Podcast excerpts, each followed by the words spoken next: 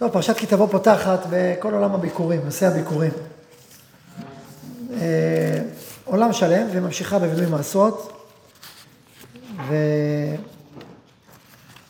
וכשאנחנו מסתכלים פה על, ה... על הפרשה הזאת, של פרשת ביקורים, קודם כל אני מתבונן ככה ממעוף הציפור, מלמעלה, על הפרשה הזאת. זה נראה שיש אוקיי, יש פרשת ביקורים, יש הרבה פרשה בתורה, יש מצוות ביקורים, ובסדר, אחת המצוות.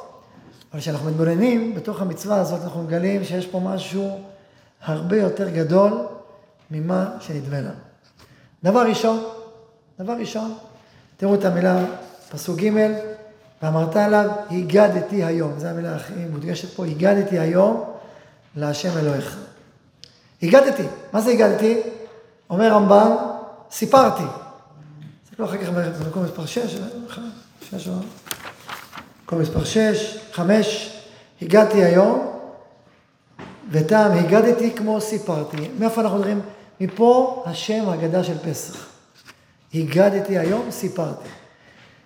כשאנחנו שואלים את עצמנו, איזה לילה מבחינת העברת המסורת, מבחינת הנחלת האמונה הישראלית, מה הלילה המרכזי? ליל הסדר. ליל הסדר זה הלילה המרכזי שמיועד להעברת המסורת הישראלית מדור לדור, מי אנחנו ומה אנחנו. בלב ליל הסדר עומדת הגדה של פסח, מצוות עשה מהתורה. בלב ההגדה של פסח עומדים הפסוקים האלה. אפילו לא הפסוקים בספר שמות. לא הם עומדים בלב יציאת מצרים. בלב סיפור יציאת מצרים עומדים הפסוקים האלה בפרשה שלנו. ארמי עובד אבי, וארד מצרים, הוויה גורשה, והם דורשים כל מילה ומילה, ומפה אתה לומד יציאת מצרים, לא מיציאת מצרים עצמה. זאת אומרת, אנחנו עוסקים בפסוקים במעמד שהוא מבטא את הלב של האמונה הישראלית. הלב הפועם עד היום, כל דור, אנחנו, בנינו, אבותינו, העבירו את ההגדה של פסח בשמחה וקדושה מדור לדור, זה הלב הפועם של האמונה הישראלית, לא פחות. בואו נחשוב רגע, אני אביא עוד, לא הבאתי לכם פה כי לא מצאתי, אפשר להעתיק את זה במחשב רשות, נקרא לכם משהו מהמהר"ם על וידוי מעשות. אתמול היה לנו דיון עם הרב חיים על הנושא הזה, שכתוב וידוי מעשות, תראו בפסוק י"ד, אתה אומר לפני השם, ביארת הקודש מן הבית, וגם לנתיב ללוי להגיע ליתום ולמנה ככל מצוותך אשר ציוויתני. לא עברתי מצוותיך ולא שכחתי, עשיתי כל מה שביקשת. דיברנו על זה שיש כאלה שאי אפשר להגיד משפט, אפשר להגיד שעשיתי כל, כל מה שציוויתי. אז דיברנו על זה ש... שאולי זו גישה בעבודת השם, לא יכול להגיד כן עשיתי. אז אני רוצה לקרוא לכם חידוש שראיתי של המערב ברוטנבורג. זכר צדיק וקדוש לברכה, השם יקום דמו גם כן. שאסרו אותו במגדל אה, שם בפרס עיניים, שם בזה, והוא מת על קידוש השם. הוא לא הסכים שישחררו אותו. שבע שנים. בגיל 66 בערך עצרו אותו על זה שהוא רצה לעלות לארץ ישראל, ורצו לאסוף כסף, ראש, תלמידו, הראש אסף כסף, רצו סכום כסף עצום, הוא לא הסכים להיפדות, שבע שנים, למה? כדי שלא יתרגלו. לשבות את גדולי ישראל, ולקחת סכום אינסופי תמורתם. יש איזה מהרש"ל מפורסם שאומר ש... שמן הדין היה יכול, כי תמיד חכם כזה, מופלג בדורו, ראש הדור, ודאי שאפשר. אבל הוא לא רצה שבכל דור ייקחו את ראשי הדור. ולכן הוא מסר נפשו שבע שנים יושב במגדל. יש בכל מיני פירושים שהוא כותב לפעמים כמה מילים על זה שבמגדל. מה, אני מחוסר ספרים, אבל אני יודע שהשם לא, לא ייטוש אותי, ונרו איתי, ואני עוסק בתורה פה. יש לו פירושים, זה כתבתי במגדל. זה כתבתי במגדל, יש לזה דברים מאוד אה, מיוחדים. אז זה אמר מרוטנבורג, הוא תיקן תקנות יסודיות שהתקבלו בישראל, מראשי הגולה והאשכנז. אומר המהר"ם, על הפסוק הזה, ככל מצוותך אשר ציוויתני. הוא מביא פסוק אחר, פה כתוב מצוותך. אגב, זה מופיע, הפירוש שלו מופיע כמו טעמי מסורת המקרא, אז הוא מביא הרבה פסוקים מכאן ומכאן. אז פה כתוב מצוותך. ואידך, רחבה מצוותך מאוד. פה אתה אומר, עשיתי ככל מצוותך אשר ציוויתני, עשיתי מאה אחוז, הכל. מי שיכול להגיד, עשיתי הכל. אומר, אבל כתוב בסוג אחר, רחבה מצוותך מאוד. וזה נאמר על התורה, שנאמר ארוכה מארץ מידה ורחבה מני ים. אפשר להקיף את התורה? פה אתה אומר, ככל מצוותך? אז איך יכול להיות? זאת אומרת, ככל מצוותך אשר ציוויתני. מסביר המערב שהכוונה פה זה על מצוות ביקורים. לומר לך, מי שמקיים מצוות הבאת ביקורים, כאילו קיים כל התורה, כולה. לא הבאתי לכם את זה פה, קיים כל התורה כולה. עכשיו תראו את המשפט, כדאיתא, הוא מביא מקור, פה, פה, פה שלא מצאו את מקורו, כדאיתא, דוברי גאווה היו מביאים ביקורים, שנאמר עשיתי ככל מצוותך, או, או במשפט, אה, אומרים את זה בטח, דוברי גאווה, משמע מתוך דבריהם שקיבלו את כל התורה כולה, ומעולם לא אמר אדם קיימתי כל התורה כולה, כי אם לוי בר סיסי, שפעם אחת באו אויבים לפני עירו, היה פעם שבאו אויבים על עיר של לוי בר סיסי, ורצו להרוג שונאיהם של ישראל, כן, עכשיו סגי נאור. מה עשה לוי מרסיסי? נתן ספר תורה בזרועו ועלה לגג, ואמר, ריבונו של עולם, אם עברתי מצווה אחת שכתבת בספר התורה הזה, ייכנסו האויבים ויהרגו שונאי ישראל. ואם קיימתי כל התורה כולה, אז יהי רצון מלפניך שיחזרו לאחוריהם. משפט כזה. מיד הלכו משם. עלמא אומר המהר"ם, שמעולם לא, לא דיבר אדם כזה, כי הוא. יש כאלה שאחרי מותם אמרו עליהם, כי הם זה מה שכתוב בזה. אבל זה שאדם אומר על עצמו, כזה דבר, זה רק לוי ברסיסי. ובהם ביקורים אמרו, עשיתי ככל אשר ציוויתני. ואז הוא ממשיך ללמדך, שמי שמקיים מצוות הבאת ביקורים, כאילו קיים כל התורה כולה. זה כמו איזה מדרש שלא, לא יודע מה המקור הזה, המהר"ם מביא אותו מהמון תמוג. הסיפור בלוי ברסיסי זה ירושלמי. זה הסיפור בלוי ברסיסי, אבל גם, גם הבאת ביקורים, כל התורה כולה. זה, הלוי ברסיסי זה ירושלמי. אבל ביקורת כל התורה כולה, זו שאלה אם זה כתוב בירושלים, לא צריך לבדוק. לברר, על כל פנים, אז יש לנו אמירה, מי שמביא מצד ביקורים זה כל התורה כולה. פס, חידוש גדול. ואם נתבונן, נראה, בית, הרי ביקורים זה רק שבית המקדש קיים לפני הבית. אז uh, תחשבו על זה, שזה אירוע לאומי.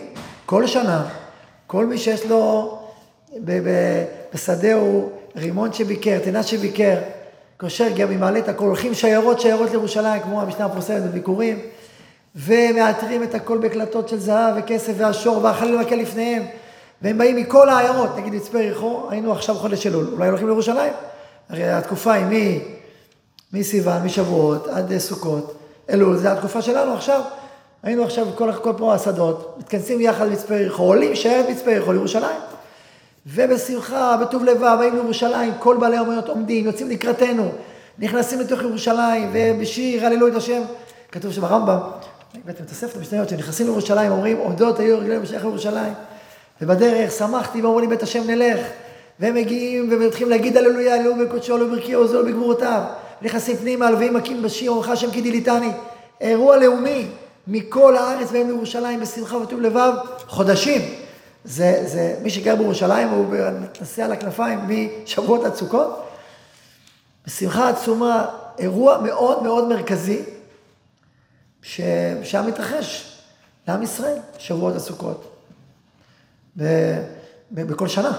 תחשבו כמה זה אירוע מהותי ומרכזי בחיי ישראל. אז ראינו פה הגדה של פסח, ראינו פה כאילו כן כל התורה כולה, ראינו פה אה, מסע שלם לאומי של עם ישראל. זאת אומרת שיש פה בפרשה הזאת, במצווה הזאת, משהו מאוד מאוד עקרוני, מאוד מאוד שורשי. ואם עד עכשיו אנחנו מסתפקים כמה זה שורשי, בואו נביא עוד ראייה גדולה. מהפרשה שלנו. הרי פה כתוב בסוף, ושמחת בכל הטוב אשר נתן לך השם אלוהיך, פסוק י"א. ובקללות, פרשה שלנו, הבאנו פה במקור שלוש, תחת אשר לא עבדת על השם אלוקיך בשמחה אותה ברוב כל, תעבוד אותו ברע וחוסר כל. אז ידוע, שזה השורש לקללות.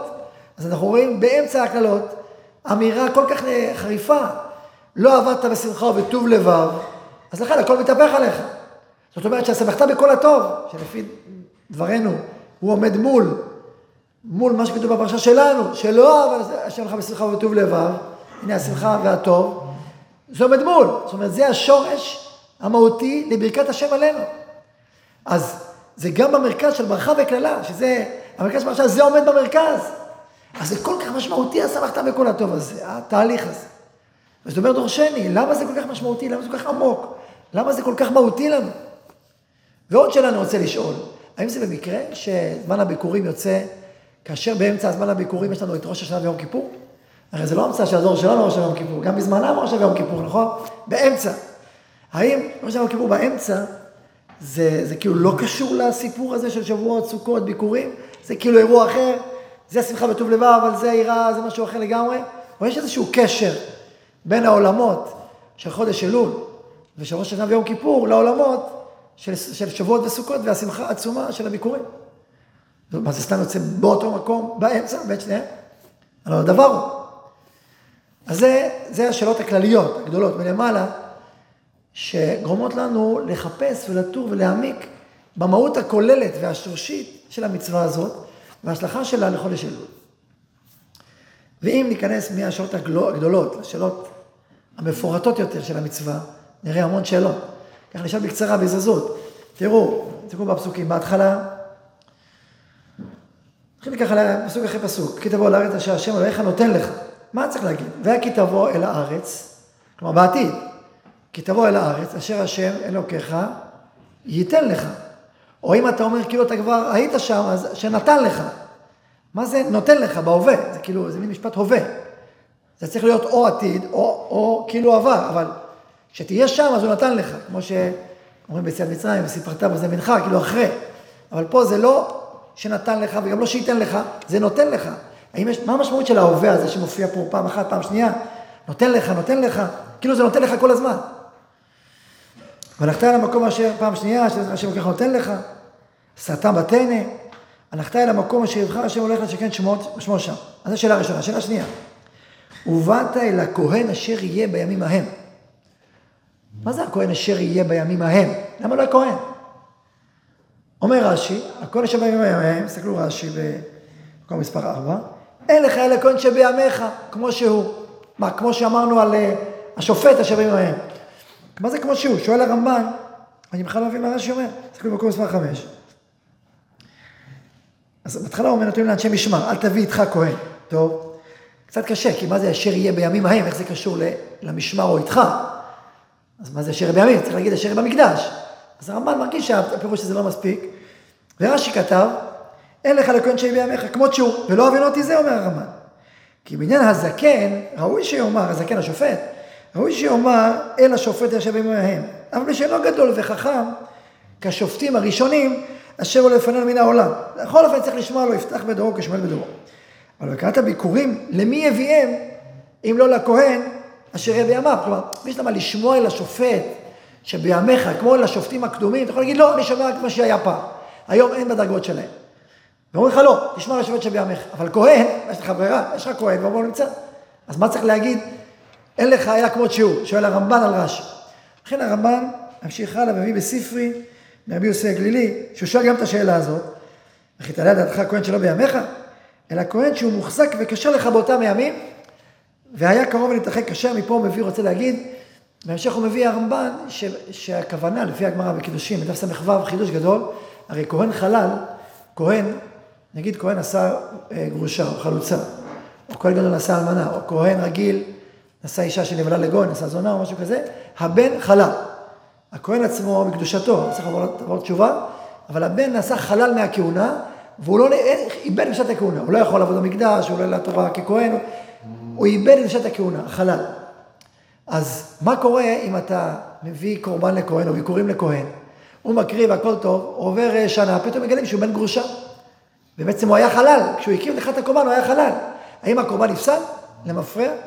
אומרת הגמרא בקידושין מכמה פסוקים, שזה לא נפסל למפרע. ואחד הפסוקים, אל הכהן אשר יהיה בימים ההם. כלומר, מי שבימים, גם אם אחר כך הוא ייפסל, זה לא מפריע לך. כשהוא היה, הוא היה כשר, זה מה שידעת, זה מה שעשית, נגמר. ויש לזה עוד פסוקים, עוד ראיות, מה בקידושין, וככה מסביר הרמב"ן, אשר יהיה בימים ההם, שלמרות אם בעתיד הוא ייפסל, עדיין עבודתו אותו כשרה. מה קשה פה? כי, כי תסתכלו בהמשך הרמב"ן, מביא, עכו ותחי כשר, וכן הוא אומר, אל תאמר מה שימים הראשונים היו טובים מאלה. איך זה, מה המשפט הזה קשור לסיפור של הרמב"ם? זה לרש"י. שאלה גדולה. אגב, יש שלקוט שמעוני, לא הבאתי פה, יש שלקוט שמעוני שאומר רק את... אל תאמר שהימים הראשונים היו טובים מאלה. לא מביא אחר כך אה, שנתקרב ונתרחק. כלומר, יש כמו שרש"י כשלעצמו. אז על כל פנים, הרמב"ן אמר את שלו, אבל רש"י, נשאר שאלה, נכון צריך להבין, מה רש"י מתכוון להגיד? מה זה אשר בימיך? וכמו שאמרנו, יש אלקוט שמעוני מפורש שאומר את זה, אל תאמר שהימים הראשונים היו טובים מאלה, בדיוק כמו שהוא אומר על השופט. ואמרתי הפוך, דווקא לרמב"ן קשה להבין את, ה, את החלק הזה בתוך הספר שהוא הביא. אבל עדיין, רש"י צריך ביאור וגם המדרש צריך ביאור, מה זה אל הכהן אשר יהיה בימים ההם. שאלה שלישית, ואמרת אליו, הגעתי היום להשם אלוהיך, כי באתי לדבר השם נותן לו לתת לנו, ולקח הכהן נתן מידיך, ונחול לפני דבר השם אלוקיך, וענית ואמרת לפני השם אלוקיך, עמי עובד אבי וכולי. מה הכהן עושה? הוא לא עושה כלום, הוא לוקח את הטנא, ושם אותו לפני השם.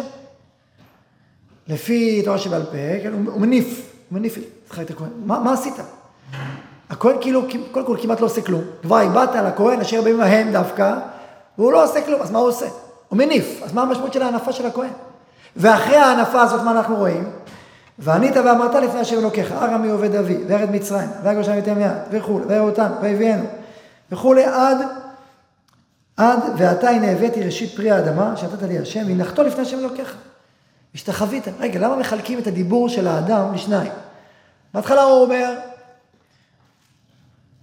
ואמרת, פעמיים ואמרת, פסוק ג', ואמרת אליו, הגעתי היום להשם אלוקיך, כי באתי לארץ. טוב, עוצרים. הנפה, ממשיך, הר עמי עובד אבי. למה אתה לא אומר את הכל בבת אחת? למה לחלק? יש מצווה לחלק משפטים לשניים. תגיד מה שלך מההתחלה, עד הסוף, לא, אתה חותך את זה באמצע, שתי אמירות, ואמרת, ואמרת, באמצע ההנפה, אז מה המשמעות של שני האמירות, ומה באמצע ההנפה, ואיך היא קשורה לשני האמירות? עכשיו אני שואל. אחר כך, אנחנו רואים, לא ניכנס למושג וענית ואמרת, פעם אחרת הלכנו בזה הרבה, מה זה וענית, כל המושג של וענית, אבל זה לא המהלך של היום. ויראו אותנו המצרים ויענונו. מה זה ויראו אותנו המצרים? ביטוי ייחודי. מה זה ויראו? הראו לנו, אז זה ויראו. עשו אותנו רעים. אז מה זה, ויראו אותנו המצרים ויענונו? אז יש פה איזה מין רמז, עשו אותנו רעים. אז אוקיי, זה מעניין. ויראו, דו משמעי הזה. מה בן זוג של ויראו? מה הבן זוג? פסוק י"א, ושמחת בכל הטוב. יש פה רע וטוב, נכון? הרע נמצא בפסוק ו', והטוב נמצא בפסוק י"א, כנראה שהם בני זוג. והרי אותנו, שמחת בכל הטוב. בפשט, היה לנו מצב רע, היה לנו רע. מה המצב? רע. מה רע? במצרים, ויענונו, לנו עבודה קשה, וכולי, ונצעק אל השם אלוהי אבותינו, ועכשיו טוב, היה רע, ועכשיו טוב. זה הפשט. היה לנו רע במצרים, ועכשיו טוב לנו, שמחת בכל הטוב. פשט. כמובן, הרמז של וירא הזה, הוא, הוא קורא לנו, הוא מאיר, נדבר בו כמובן. אבל שימו לב שיש פה בני זוג רע וטוב. ואז, ונצעק אל השם אלוקינו וכולי, וייתן לנו את הארץ הזאת, אז חלב ודבש, ואתה הבאתי לשיט פרי האדמה, השם נתת לי, זוכרים את הנותן? נותן, השם נתת לי, נתת לי, השם, והנחתו. לפי רש"י, והנחתו הזה זה הנפה שנייה. ברמב"ם לא ראיתי שיש הנפה שנייה, אז כאן זה מחלוקת. אם יש פעמיים הנפה, לפי רש"י יש הנפה אחת עם הכהן, הנפה אחת בעלים לבד, כנראה לפי הרמב"ם לא ראיתי, ראיתי רק הנפה משותפת. שאלה, על כל פנים, השתחווית, עכשיו אתה משתחווה, ואז כתוב, ושמחת בכל הטוב. שאני לך שם ככה, איך שמחים בכל הטוב? יש סיפור של רבי נחמן. אספר לכם מעשה איך היו שמחים.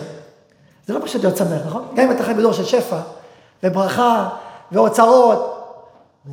מתי אנחנו עכשיו במדינת ישראל אחרי 75 שנה כמעט, נכון? כשאתם מסתכלים על האנרגיה הארצית, הלאומית, ומקשיבים לאנרגיה שהייתה לפני 70 שנה. מתי יותר שמחו? היום או אז? כנראה שאז, אם אנחנו נשמע את המוזיקה, את האנרגיות, נשמע שאז יותר שמחו. למרות שאיפה יותר טוב? היום. אז כנראה שזה לא עובד בקורולציה והתאמה חד משמעית שיש לך שפע ומלא פירות מדהימים, זה לא מה שתשמח. כנראה שלשמחה יש קודים אחרים, רק מטוב פשוט. אני לא אומר, היה גם שואה, ושואה זה עצם מטורף, כן? ברור, והגלות והכל, אבל אם כי אני אומר, שימו לב, שזה שהשפע רב וגדל הרבה הרבה הרבה יותר לפני 70 שנה, זה לא אומר שבהתאמה השמחה גדלה עם השפע. ותשימו לב, אם זה ככה, מה יקרה 30 שנה? שבעזרת השם שבע יגדל, אבל רגע, מה עם השמחה? איפה היא נשכחה באמצע? איך מגיעים אליה? ואולי זה הסיפור שלנו, שמחת בכל הטוב. איך שמחים בכל הטוב? זו השאלה. שאלה שלנו, שאלה יומיומית. שמחת בכל הטוב. אתה והלוי והגר אשר בקרבך, כמובן שאנחנו בהמשך נדבר על זה גם כן.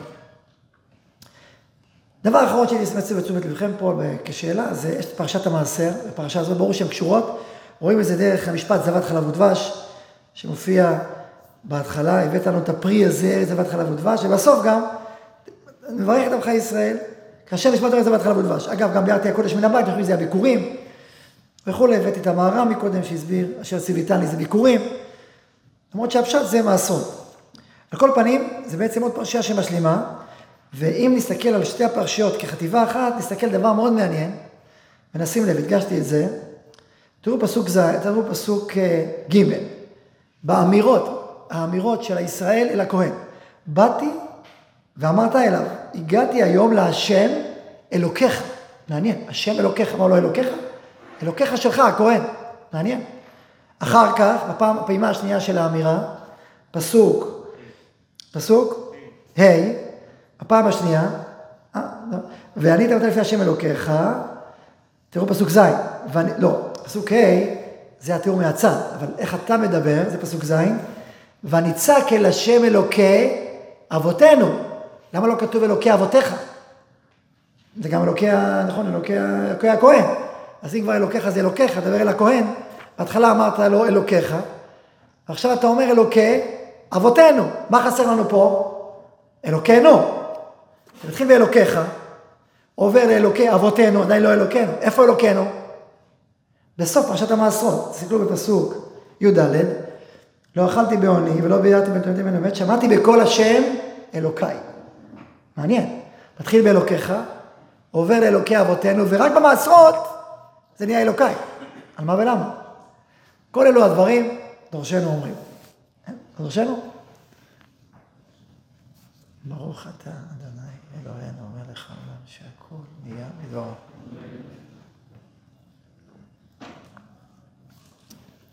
עונה לכבוד פורים, נעשה סיסמה דורשנו, דורשנו. שמעתי שמישהו. נדבר בשם המקרא.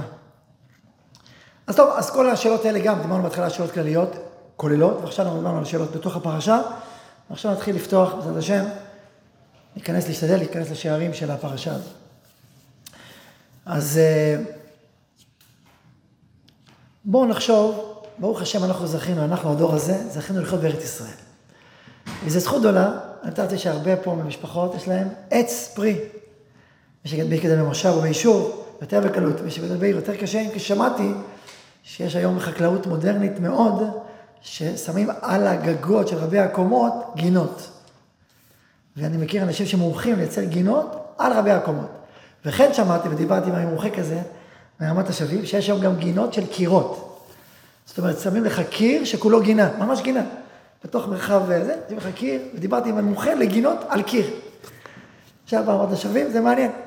יש כל מיני סוגי גינות משוכלות, מי שכבר גר בעיר, ובכל אופן הוא רוצה גינה, יש פתרונות. יש פתרונות.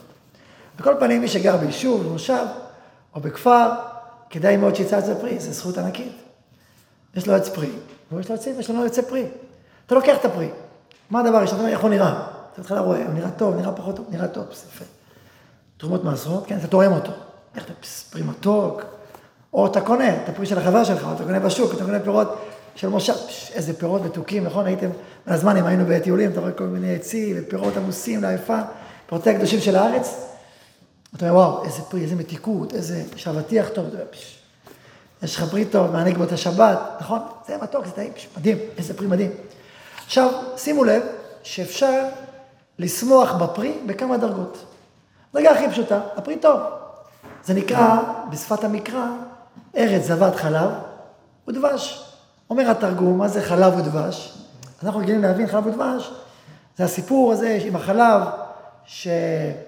של העז, שאכלה מה... מהדבש של התמר, שנזל, והביחד יעשה זבת חלב ודבש וכולי, ודאי שזה דברי אמת. אבל התרגום אומר עוד משהו, ארץ זבת חלב ודבש, הוא אומר את המשפט הבא. הוא אומר, אה, תרגום יונתן, ארעה דפרעה שמנים כחלב וחליין כדבש. איזה שומן כזה טוב ומתוק מתוק כמו דבש. נכון, היום יש ביטוי דבש. אתה אמר דבש, זה דבש. זה זבת חלב ודבש, הכוונה היא שמן ומלא תנובה, מלא ערך תזונתי, כמו חלב, ומתוק כמו דבש. זה הפרי איכותי. איזה מרקם, איזה עושר, איזה טעם, איזה צבע, איזה ריח, איזה מתיקות. אתם יודעים שבחוץ לארץ יש הרבה פירות יפים, אבל לא מתוקים. ולכן הפירות, הפירות בעולם, הרבה מאוד פירות בעולם של הארץ באים לכל העולם. בשביל אה, המתיקות והזבת חלב ודבש הזה שמתקיים בנו, יותר ויותר, זה זבת חלב ודבש. לך שפרי טוב, אתה אומר, וואו. נכון, זה הפסוקים שלנו. ארץ זבת חלב ודבש, זה מתחיל בזבת חלב ודבש. אתה רואה את הפרי, קודם כל צמח הפרי, שירדו גשמים, והייתה ברכה, וצמח פרי, נתת עץ כמובן, וצמח את הפרי, אה, איזה פרי טוב, איזה פרי מתוק. תודה. למי אומרים תודה? אפשר להגיד, הבן לאבא, האבא ל... למי? לאבא שבשמיים. אומרים תודה, אומרים תודה. איזה טעים, וואו. אז ילד קטן, דבר ראשון אומר, זה טעים. אבל אם התודעה גדלה, אומר גם לאבא שלו תודה, לא יותר גדולה, זה אתם מרחיבים. התהליך שלנו עכשיו זה בעצם, נקרא לו הרחבת התודעה, או התפתחות האישיותית, התפיסה של האדם. מה זה טוב? מה זה טוב? מה הכוונה טוב? שמחת בכל הטוב שנתן לך השם אלוקיך. מה זה הטוב? אז מתחילים מהדבר הכי פשוט של טוב. זה ממש טעים, זה מתוק, זה מדהים, זה טעים, זה כיף. הכי פשוט, הכי ראשוני. ארץ זבת חלב ודבש. טעמת? היית מבסוט, אתה מרגיש כמה זה טוב ומתוק, עכשיו תיפתח עוד ועוד. אז אם נפתחים קצת יותר, מבינים שרגע, זה פרי שנטוע בארץ, שקיבלתי ממישהו. זה לא ארץ שיצרתי אותה, בכלל לא יצרתי את האדמה. לא יצרתי בכלל את כל ההוויה של העולם, ולא את האדמה ולא את הארץ הזאת. אז דבר ראשון זה כאילו לומר, אה, ah, יש לי פירות מדהימים, שצמחו בארץ הזאת, ש, שאני פה, שאני עליה. זה לא של ילד, זה תודעה של בוגר בסיסית. אה, איזה זכות יש לי, פירות וארץ. מבסוט, אדמתי ופירותיי. זה התודעה של בוגר. הנה, הגינה הצמיחה, הארץ הצמיחה. זה שלב ראשון. ולכן, כאשר אדם מישראל מגיע עם הביקורים, הוא לוקח את הפרי המדהים הזה, להסתכל על המדהים, תהנה שבעיקר, לוקח אותו בשמחה גדולה והולך אל בית המקדש, עולה לירושלים, הוא מדבר למה זה עולה לירושלים, ולעלות לבית המקדש בירושלים, לא סתם בירושלים, ובא ואומר, שם נמצא הכהן, אשר יהיה בימים ההם, ואומר לו, משפט אחד פשוט, הגעתי היום להשם אלוהיך, כי באתי אל הארץ אשר נשבע השם לאבותינו לתת לנו. אז מה יש לנו פה? יש לנו פה פירות, הוא בא עם הטנא, כן, זה כתוב לפני כן, סמתה בטנא, יש לי פירות, בתוך סלסילה יפה מאוד, פירות, הנה פה לפנינו, ותודה קצת יותר גבוהה, באנו אל הארץ אשר נתן לנו. הנה, אני באתי להגיד, באתי לפה. עכשיו, זה, זה, אני הגעתי, עובדה, מציאות הכי פשוטה, הכי ראשונית. ואז מה קורה? הכהן מניף. כבר דיברנו בשיחה בשיעור כללי, שנה שעברה, בספירת העומר, מה זה פירוש המושג של להניף דבר. הסברנו שהרעיון של ההנפה, הוא לקח את הדבר מהמרחב הארצי שלו, לתת לו מרחב רוחני, גבוה, נשגב, שמימי, לרומם אותו, לתת לו, לחשוף את מקורו הקדוש, הטהור העליון, זה הכוונה להניף. מה עושה פה הכהן? לוקח את הפרי שלך, שבינתיים התודעה שלך התחברה אליו עד הרמה הכי בסיסית של הנה פרי והנה הארץ, אדמה ו- ופרי. בוא נגיד, אה, כן, נגיד את זה ככה בעדינות, זה תודעה קיבוצניקית. יותר מקיבוצניקית, מה שהשם נותן לנו, אבל עושים פירות, וזה הנה, נתנו, זרענו, היה גשמים, הנה הפירות, עשינו ביקורים, הנה. פה עוד יותר, השם נתן לנו, נותן לנו, יותר גבוה, והגעתי אל הארץ. זה, זה דרגת התודעה. ואז מה עושה הכהן? לוקח את הפרי ומרים אותו, מניף אותו יחד איתך, לוקח את הסל, מרים אותו למעלה, ומחזיר אותו למזבח. קורה פה עכשיו פעולה מאוד מאוד פנימית. ברגע זה שהכהן מניף, הוא בעצם לוקח אותך, אותך את הישראל, ומרים אותך דרגה. מי זה הכהן המדובר? אשר יהיה בימים ההם. יש כהן שנמצא בדור ההוא, באותו דור, בבית המקדש, שכל בית המקדש עומד לפני השם. אין לו נחלה, הוא לא עובד בשדה, הוא כל היום בהשראה, ובקדושה, ובלימוד תורה, הוא ראש בדרך כלל לקרוא אותך לישראל. הוא חי באטמוספירה רוחנית מאוד גבוהה, כשבית המקדש הזה בכלל. אז הוא מתענג על השם ונהנה מזיו שכינתו. הטוב העליון ביותר, הפנימי ביותר, מצוי בו. כמו שאומר מרן הרב זכר צדיק לברכה, כל פעם באגרות, אז הוא כותב משפט כזה בראשי תיבות שקוראים אותו ככה מהר ולא מבינים מה כתוב. תודה להשם יתברך על החיים והשלום אשר עמנו. הכל בראשי תיבות. תלית, על החוש, אשר עמנו ממשיכים על התאגרת. אבל אל תחשבו בזה סתם. תודה להשם יתברך על החיים והשלום. כתוב ברכי, בריתי אתה איתו עם הכהן, החיים והשלום. החיים זה שפע החיים העליונים, והשלום זה אותו חיבור פנימי שחובק את כל ישראל. כשהשכינה שורה זה מה שמרגישים. והרב קוק השכינה שרתה עליו, זה פשוט, בכל ספריו וכתביו. אז הוא אומר, תודה להשם יתברך שהשכינה שורה עליי. במקום להגיד השכינה שורה עליי, הוא מלביש את זה במליצה, ואומר, על החיים והשלום אשר עימנו. אגב, אחרי פרעות תרפ"ט, המכתבים של הרב קוק קצת התעממו מעט, ואז כתב לו אחד מחכמי ישראל, כתב לו באיגרת, כבוד הרב, אני לא מספיק קורא מספיק את העוצמה, את העיזוז, את, ה, אה, את, ה, את רוח הגאולה העצומה שנשבה, מה קרה? ככה כותב לו באיגרת, איפה אני מחפש, אני... אז אומרים שבית הפירות הרפתי עמעמו קצת, אבל אחר כך התחזקו שוב. על כל פנים, אה, אז הכהן עומד שם, והחיים והשלום איתו, והוא בכלל לא מסתכל רק על הדור הזה ולא על השנה הזאת. הוא יש לו ראייה היסטורית, עליונה, כבירה, מיצירת עם ישראל, ביציאת מצרים, עד העתיד לבוא, הוא חובק את הכל ברוחו. וכשהכהן רואה את הפרי, מהמקום הקודש, הוא רואה משהו הרבה הרבה יותר נעלה. הרבה יותר נעלה. הוא רואה את דבר השם מתגלה, את התנועה של הברכה של הטוב האלוהי שופעת על האיש הזה, דרך הפרי הזה. הפרי הזה מייצג את תנועת ההטבה העולמית, שהסוד שלה זה יצירת העולם. למה שברא העולם? להיטיב לנבראיו. למה שמביא את, את, את עם ישראל לארץ ישראל? להיטיב. לטוב לך כל הימים. לחיותך כיום הזה. מה זה חטא המרגלים? מה זה בשנאת השם אותנו? לכן זה כל כך חמור, מה זה השם אותנו? בדיוק הפוך, הפכתם רע לטוב. לכן הם אשר לא ידעו בטוב לרע, הם יבואו. כי אתם התבלבלתם, הפכתם רע לטוב וטוב לרע. השם רוצה להיטיב לך באופן הכי עמוק והכי חזק שיכול להיות. ולכן הוציא אותך ממצרים, הוציא אותך ממקום הרע הזה של מצרים, אל המקום הכי טוב שיש, הארץ הטובה, ההר הטוב, הזה בלבנון, אל הטוב הכי עמוק שיש. מרע אל טוב. וזו תנועת הטבה אדירה שבה, שעליה עומד העולם. ועליה, ובזכותה עם ישראל מקבל את הארץ, בזכותה איש ישראל בעולם. וחלק מאותו טוב אדיר שאנחנו סופגים, זה הפרי הזה. הפרי הזה הוא סמל או ביטוי של תנועת הטבה כבירה ושורשית שעליה העולם בנוי. כשאתה רואה, כשאתה אוכל את הפרי הזה, אתה עכשיו סופג, הוא מייצג, הוא מבטא לך טוב מאוד מאוד מאוד עמוק, שהוא שורש שהוקם פה במציאות. זה מה שאתה סופג עכשיו, טוב השם, ברמות הכי גבוהות. ואיך זה מתפתח? הוא אומר לך, אז אחרי שהכהן מרים את, ה, את הפרי איתך, התודעה שלך, האישיות שלך נוסקת, פתאום היא עולה, פתאום היא רואה את הכל באור חדש. הרבה יותר עמוק, הרבה יותר פנימי, פתאום כל יציאת מצרים ויצירת עם ישראל וכל התהליך לובש פנים וצורה וצבע דרך הפרי הזה. והוא אומר לך, ואז אתה אומר, אתה אומר, אחרי שעלית דרך הענפה המשותפת עם הכהן, אתה אומר, ארמי עובד אבי, אתה מתחיל בכלל לפני האבות הקדושים, וכבר שם ניסו להרוג אותנו. וארד מצרים, היה שם מתי מעט, ויש שם לגוי גדול עצום ורב, זה הברכה. וירא אותנו המצרים, ויעננו, נותן עבודה קשה. ונצעק אל השם אלוהי אבותינו, ואשם השם את קולנו, את עוניינו, את עמלנו, לחצנו, יוצא ממצרים, זמנתנו וכולי, ויביאנו למקום הזה, וייתן לנו זאת ארץ זבת חלב ודבש. הדבש והחלב שאני סופג פה, זה חלק מתנועה שפתחה את עם ישראל.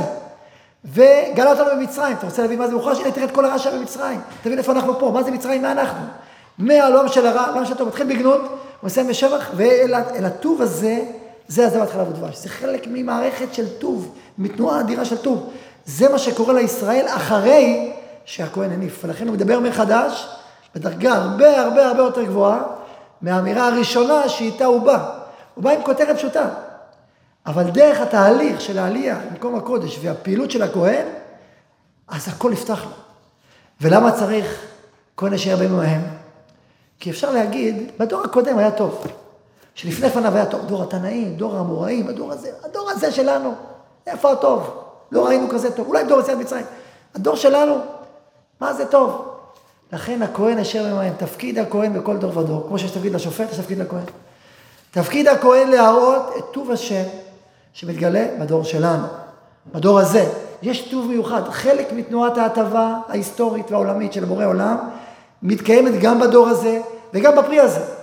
והכהן, התפקיד שלו זה לפקוח עיניים ולעורר ולהראות ולראות את הטוב הזה פורץ ופועל ומגיע אלינו בדור שלנו. לא רק נתן לנו, נותן לנו. השם אלוקינו נותן לנו. השפע הזה מופיע עכשיו, עכשיו אליך. לא רק אז, גם היום. זה שפע של טוב שנמשך מההתחלה עד עכשיו. הטוב הזה פורץ, הנתינה האלוהית אל האדם. היא עצומה ואדירה והיא הולכת ולא נפסקת עד עכשיו. פעימה עצומה של טוב. זה, זה האמירה. וממילא, כשאתה מגיע לשם, אתה קודם כל אומר אלוקי אבותינו, כי אנחנו סופגים את הטוב הזה בעוצמתו. הנה, השם נתן את הארץ לאבותינו, כל התהליך של אבותינו, הרע והטוב, והנה אנחנו, בניהם יורשים את הטוב הזה ומגיע אלינו. מעט תגיד מה זה השם אלוקיי. ואתה שמחת בכל הטוב, ואז אתה יכול לשמוח בכל הטוב. אבל כשאתה סופג את הטוב הזה, שאדם באמת מצליח לספוג את הטוב שהוא רואה וחווה, ומחבר אותו אל הטוב הרחב, וכל הדורות, ואת כל הטוב האלוהי בכל הדורות, לעם ישראל, לארץ ישראל, וחווה את זה בבת אחת, אין לו אלא להשתחוות. הוא פשוט משתחווה מרוב אור, מרוב טוב, מרוב אהבה, מרוב גדלות, מרוב רוממות, הוא לא מצליח להכיל את הטוב האדיר הזה שהוא חש, שהוא שופע עליו, עכשיו ברגע זה, דרך הפרי הזה. הפרי שראית שמקודם הוא היה רק, נתת לי, הנה, לא מה זה נתת לי? נתת לי הזה, זו תנועה אדירה של נתינה, שאלוהים לאדם, כמו נותן, נותן, נותן, כל המילים האלה נותן פה, זה שש פעמים, נותן לך, נותן לך, נותן לך. שפע עצום שמרוב אור וטוב, אתה מתבטל ומשתחווה. ולכן דווקא הכהן, אשר בימים ההם, וכל דור צריך כהן שיפתח את העיניים. נדבר על זה בהמשך גם, ברוך השם, זה שלחנו את הרב קוק, מה זה, חודש אלול, זה עדיין יום פטירתו. תחשבו, אתה רואה מאמר הדור, מאמר הדור, עמוד וחצי, הוא כותב כמה רע. הוא יודע להרגיש את הרע, טוב מאוד. עמוד וחצי, כמה קשה, כמה כואב, כמה צורם, הוא עמוד וחצי של שאלה. ואז הוא פותח את השער ואיזה טוב אדיר שוטף. זה יעשה מאמר הדור באופן אחר לגמרי. לא שאין בעיות ואין קשיים, אבל אתה רואה את הטוב פורץ.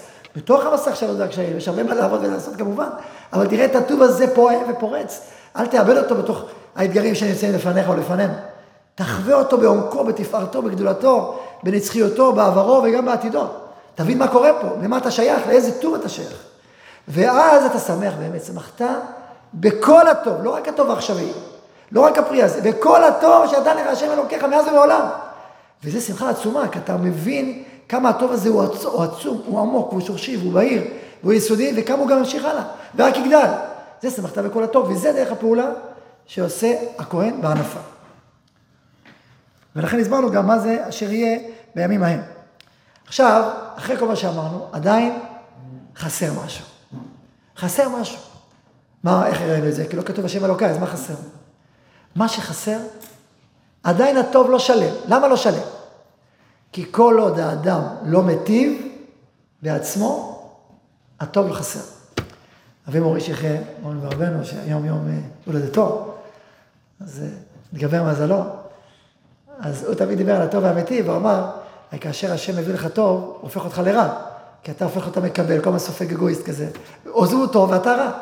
ואיך אתה הופך להיות טוב? שאתה נותן לאחרים. הטוב ומטיב, הוא גורם לך להיטיב. לכן זה טוב שלם כאשר אתה מטיב. ככה דרש. ושם יברכהו. אז על הגוון הזה, שמחת בכל הטוב, לעולם אתה לא תוכל לשמוח בכל הטוב שקיבלת אם לא תיתן. זה יהיה חלקי, זה יהיה חצי. לכן כתוב, ושמחת בכל התורה שעלתה לך השם אלוקיך, או, עכשיו משפט, אתה והלוי והגר אשר בקרבך. אז נכון, אפשר להסביר את זה על הביקורי, כמו שרש"י וכולי, אבל זה פירוש אחד. פירוש אחר, אתה ולוי שתיתן לו, איתך. ככה כמו שמסביר, אה, אבן עזרא למשל, לא הבאתי אותו פה, אני רואה, ואני מסביר, אתה ולוי שתיתן לו, ממה שקיבלת. אבל לא רק, לא רק שם, במשפט הזה. כל פרשת וידוי מעשרות, כל כולה באה לבטא את זה. מה זה פרשה הבאה? זה אחרי, כי תכלה לעשר את כל מאסר תבואתך. ונתת ללוי, לגר, ליתום, לאלמנה, ואכלו בשעריך ושבעו. אתה קיבלת את כל הטוב, ושמחת בכל הטוב, ומה תעשה עם כל הטוב? תיתן. תיתן, תיתן אתה והלוי והגר אשר בקרבך, תיתן לו. ובאמת עשית את זה. זה הפרשה הבאה. ונתת על הלוי. לא רק השם נותן לך, גם אתה ממשיך לתת, אתה ממשיך להיות מרכבה לטוב הזה. אתה ממשיך, אתה רוצה להיטיב בעצמך.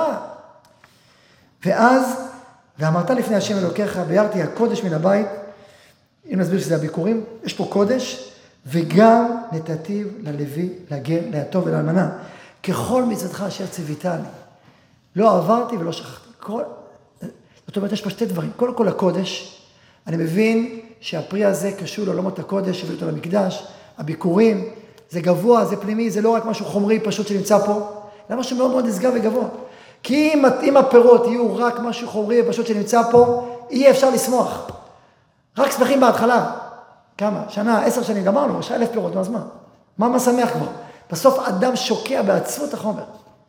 אוכלי לחם מעצבים, מסביר הזוהר, מביא זה הרב, עצבות החומר, לחם מעצבים, שאדם יש לו שפע כלכלי, בלי מרחב רוחני, הוא הופך להיות מושחת וגם מפסיק לשמוח. הוא פשוט לא שמח, זה פשוט מדהים.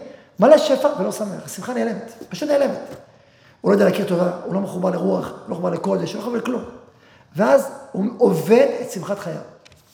לעומת זאת, אם הוא קודם כל מכיר תודה לעומק, ואומר שום דבר לא מגיע לי, והוא סופג את הברכה שהוא מקבל משמיים, ומבין כמה זה קדוש ונשגב ואציל, זה רוחני, זה לא רק פיזי, יש משהו רוחני ועליון, קדוש, פרי הזה הופך להיות קודש. פרי קודש, כן פרי קודש, הביקורים הם קודש. נאכלים רק לכהן בירושלים. אגב, סוגריים, כותב הרמב"ם שכל מתנות כהונה של הקודש, כאשר הכהן אוכל אותה, מה הוא אומר? ברוך אתה השם.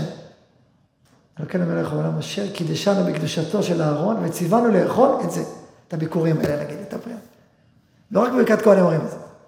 קידשנו של אהרון וציוונו לאכול את זה. תחשבו על זה, קידשנו של אהרון. אתה אוכל את זה בקדושה. אז קודם כל אתה מבין שיש פה קודש, יש פה משהו נשגב, עליון, טהור. הפרי הזה לא מבטא רק חומר, הוא מבטא רוח, הוא מבטא פנימיות שמתלבשת פה. ב', יש פה תנועת הטבה אדירה של כל הדורות, שלכם, וזה לא מובן מאליו, יש פה ברכה שמברכים אותך, מברכים אותך משמיים. שלוש, אתה בעצמך נותן. כשזה קורה, אחד, שתיים, שלוש, אתה מתמלא שמחה. ולכן כתוב בהתחלה, ויראו אותנו, וסלחת לתקוע, ויראו אותנו גם מוסרית.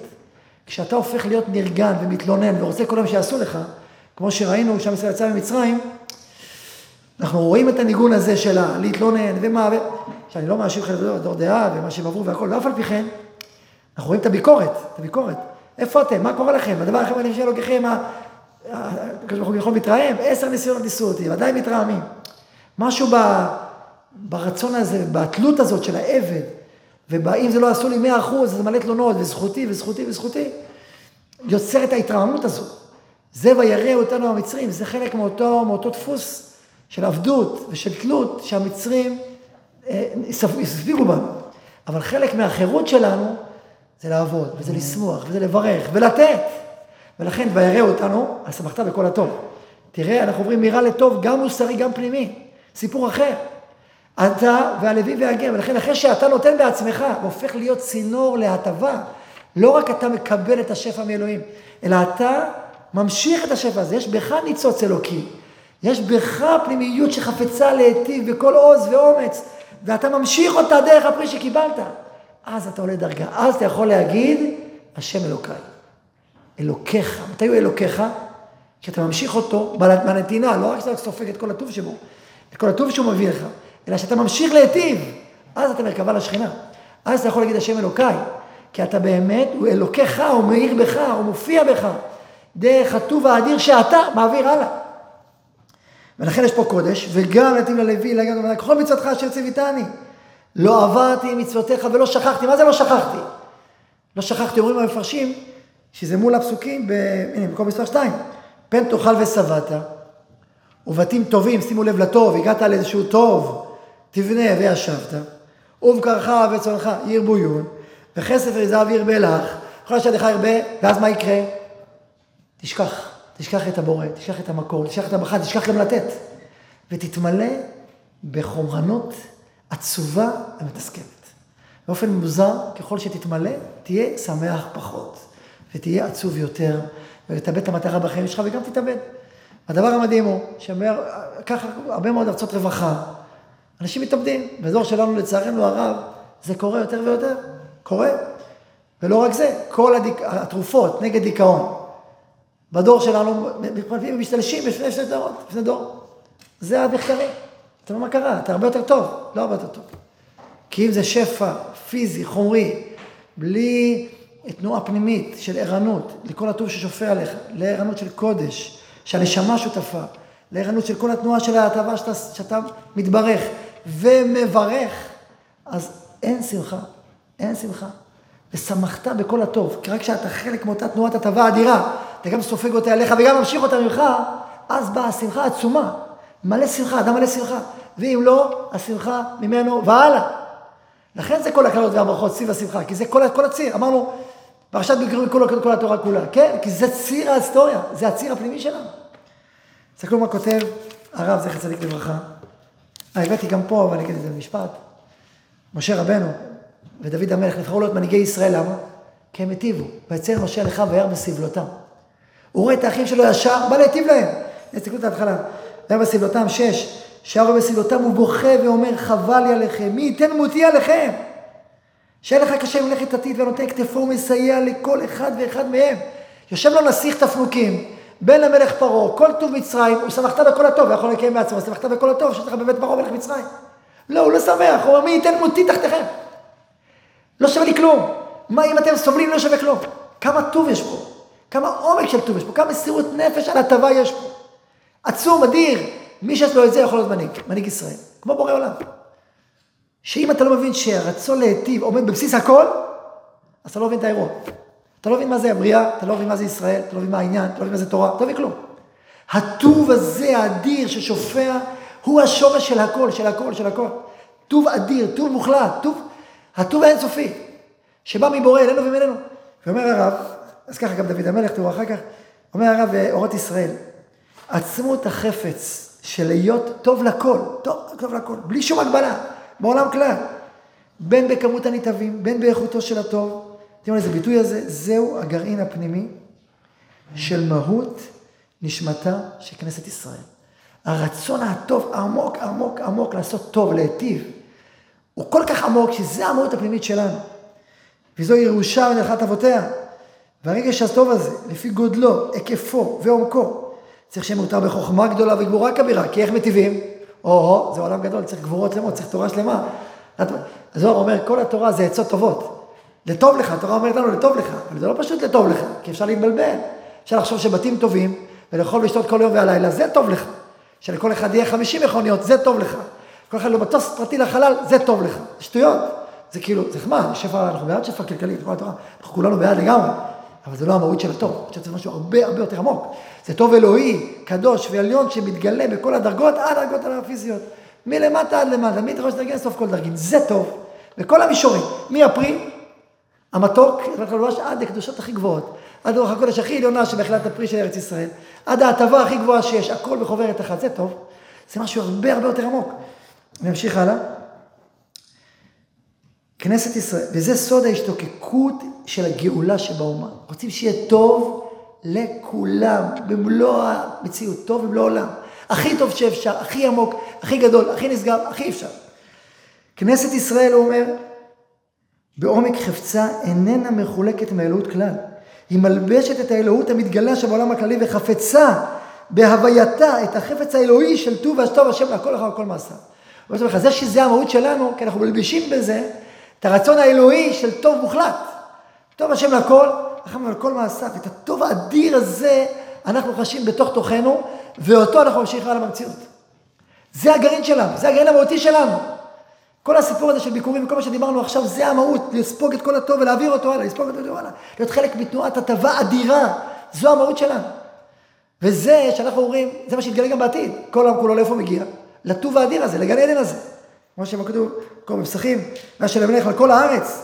אומר שם אחד ושמו אחד. מה אתה יודע, לא אחד הוא? מה זה יהיה? אמר וחנא חנינא, לא כל העולם הזה, העולם הבא, העולם הזה, בשורות טובות, הטוב האמיתי, בשורות טובות מדיין האמת. העולם הבא כולו הטוב האמיתי. היינו, אתה רואה את בורא עולם עושה גם מעשים שנראים רעים, לא הבנת. זה נראה לך, אבל זה לטובה, ממש לטובה. לא תמיד לפעמים אתה רואה ממש, אתה לא רואה ממש, איך זה לטובה? אבל תדע לך שהכל מכוון אל הטוב המלא והשלם. לשם אנחנו מכוונים. זה הרצון הכי תמיר שלנו, שהוא מלביש את הרצון היולי להיטיב. ואנחנו בימי אלול עולים במעלות של תורה, של קדושה, של אור השם. צריך לזכור את השורש האדיר הזה של פרשת ביקורים. לספוג את הטוב והכל כל להיות ערניים, לספוג את כל הטוב האדיר שנמצא בדורנו ובדור שלנו. וזה צריך שיעור שלם לפני עצמו, בשביל להזיל לטוב הזה, איך הוא מתגלה ואיך הוא נוסע ואיך הוא מופיע. דהיינו שנאמר, במשפט אחד קצר, קצרצר, שעצם זה שאנחנו היום במאבק, מי ימלוך מדינת ישראל, האם, ה... קודם כל זה שגדלנו, מ-600 אלף ל-7 מיליון יהודים בארצנו. זה שהתורה פורחת, יש שפע מדהים. קיבלנו מתנות של גז למשל, קיבלנו מתנה משמיים, הכל הטוב, נתן לך מתנה כמה, רק השנה, תמלוגים מהגז, מיליארד, 100 מיליון בערך שקל. הקדוש ברוך לנו מתנה לעם ישראל, מיליארד שקל. עשינו את זה, לא הייתי צריך לעשות איזשהו, אה, לא יודע, איזה אירוע לאומי והכל. יותר אמר, בוא נתן לו מיליארד שקל. מיליארד, מתנה, אוצר, כל שנה. לא פעם אחת והלכנו, קיבלת מיליארד הלכת הביתה. וזה גם יגדל. קיבלנו מתנה מדהימה, עצומה, כעם. מיליארד שקל. קיבלנו או לא? שכחנו כבר. מי, מי, מי הפיק את הגז? מי הפיק זה? מי הפיק, כן הפיק, לא הפיק, במשפט, טה, טה, טה, טה. בתוך כל הערבוביה שכחנו את איזה טוב מדהים אנחנו נמצאים בתוכנו, נמצא בתוכנו. טוב, סתם פשוט, אחד, אמרתי אחד, אחד. מתוך שפע אדיר. של טוב, של, של ברכה, של עלייה, של תורה שמתפתחת פה, שנפתחת פה. דברים מדהימים. גם המאבק של הרפורמה הוא איש של הטוב הזה, רק לא עכשיו נרחיב בזה. יש טוב עמוק מאוד שנמצא בתוכנו. ולשם אנחנו ממשיכים הלאה. אה, יש גם בעיות? ברור שיש, שווה עבודה לעשות. אבל בשורש, בשורש, שם זה נמצא. ולכן, כשאנחנו עובדים חודש אלול, אומרים, השם מלך, השם מלך, השם ימלוך עולם ועד. מה, ימלוך? מה זה ימלוך? תדע לך שבפנימיות הכל יש טוב, אדיר ופנימי עצום. גם עכשיו זה נמצא בפנימיות. ככה זה מתחיל לבריאה. זה מה שנמצא עכשיו גנוז, וזה בעתיד יתגלה בכל תוקפו ותפארתו. השם ימלוך לעולם ועד, היינו, שהטוב יתגלה במלוא פארו. העולם הזה, גן עדן במלוא המובן של המושג הזה.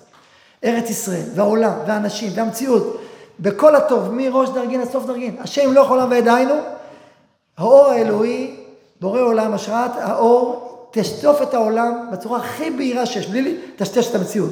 רק תגדל אותו עוד טוב ועוד טוב, ועוד הכי גדול והכי פנימי שאפשר. בין בכמות הנתעבים, בין באיכותו של הטוב. זאת אומרת, השם ימלוך עולם ועד, זה הכוונה. אתה אומר, לא רק ימלוך, אתה אומר, באמת גם הוא מלך, באמת הוא גם מלך. עכשיו זה גנוז, אבל אנחנו יודעים באמת, השם ימלוך עולם ועד, הטוב הזה יהיה מלא עולם. עכשיו תחשבו איזה תענוג יש לישראלי להגיד, יהיה טוב מאה אחוז. זה אנחנו צועקים את זה, זה הנשמה שלנו. כנסת ישראל לא מחולקת מהטוב אלוהי, לשם היא חותרת, לשם היא שואפת, לשם היא פועמת, לשם היא חותרת. ולכן, כל יהודי, צדיק, איש תורה, איש קודש, הטוב חייב לפעום בו. גם לספוג את כל הטוב אליו, וגם להביא טוב, ולהיטיב בפועל ממש, לא, לא, בלי מליצות, אבל כמוך ממש, בלי תחבולות, בלי מזימות, כמוך ממש להיטיב, לעזור אחד לשני, לאנשים סביבנו מסביבנו. היה עכשיו, אה, לפני כמה זמן, מחאה נגד ישיבת מעלה אליהו בתל אביב. הפגנות וזה וזה. ואז עשו כתבה על כל השכנים, כמה טוב הם עושים להם. והם תורמים דם ואיכילוב, ותורמים לו פה, ותורמים לו שם. כמה אנחנו אוהבים אותם. זה מתחיל מטוב, טוב פשוט. ולאט לאט עד הטוב האלוהי, שזה הקדושה. קודש, להביא קודש, להביא משמעות לאדם, זה הטוב הכי גדול שיכול להיות. אבל אי אפשר לחלק את זה מטוב הכי פשוט. ולכן כשאתה הולך, תמיד אמרנו את זה לגרעינים שלנו, בכל מקום, לקהילות בכל מקום, תמיד תיטיב בפועל. בפועל ממש, לא כחייב, כי זה, זה התנועה הפנימית שלך, כי גם הטוב הרוחני הוא בא משם, לטוב לך. אם אתה לא בא מהתנועה הפנימית הזאת, אתה לא יכול להיות שם. אתה אוהב את האנשים, אתה רוצה להיטיב להם באמת ובתמים. זה כל מנהיג, כמו, כמו אבא, כמו אח, כמו אח גדול, להיטיב, להיטיב בכל כוחך. גם סופק טוב שנותנים לך, אתה גם שמח ומודה, גם מי שעוזר לך ככלל. אבל אתה כל הזמן בתנועת הטבה אמיתית עמוקה שפורצת ממך. כאשר הטוב הזה פורץ, אמיתי ואותנטי כמו שהוא, הוא מביא מעגלים, עוד דור ועוד דור, ואז הוא פותח שערים לטוב הגבוה יותר, והגבוה עוד יותר, עד הטוב הכי גבוה, שזה קדושה, הקודש, העולם של הקודש, הוא מופיע לכל תקופו ותפארתו, החיבור שלו לכל ההיסטוריה שלנו, לכל העתיד שלנו, זה הטוב הכי גדול שיש. ולכן, יהי רצון שאנחנו פה בישיבה, שעוסקים, זוכים לעסוק בקודש, עושים בטוב, כי לקחתו לכם הטוב לתורה, שזה מגמתה. וכל הגבורות שבתורה, ויש בה גבורות, וזה לא תמיד קל ופשוט, וגם בשבוע השני של הזמן, לפעמים זה קשה ולא פשוט, כבר חשבתי שהכל יסתדר, והנה פה שאלה ושם בעיה, פה נרדמתי, פה קמתי מאוחר, פה היה לי איזה יום קשה, פה החברותה לא באה, פה אני לא באתי.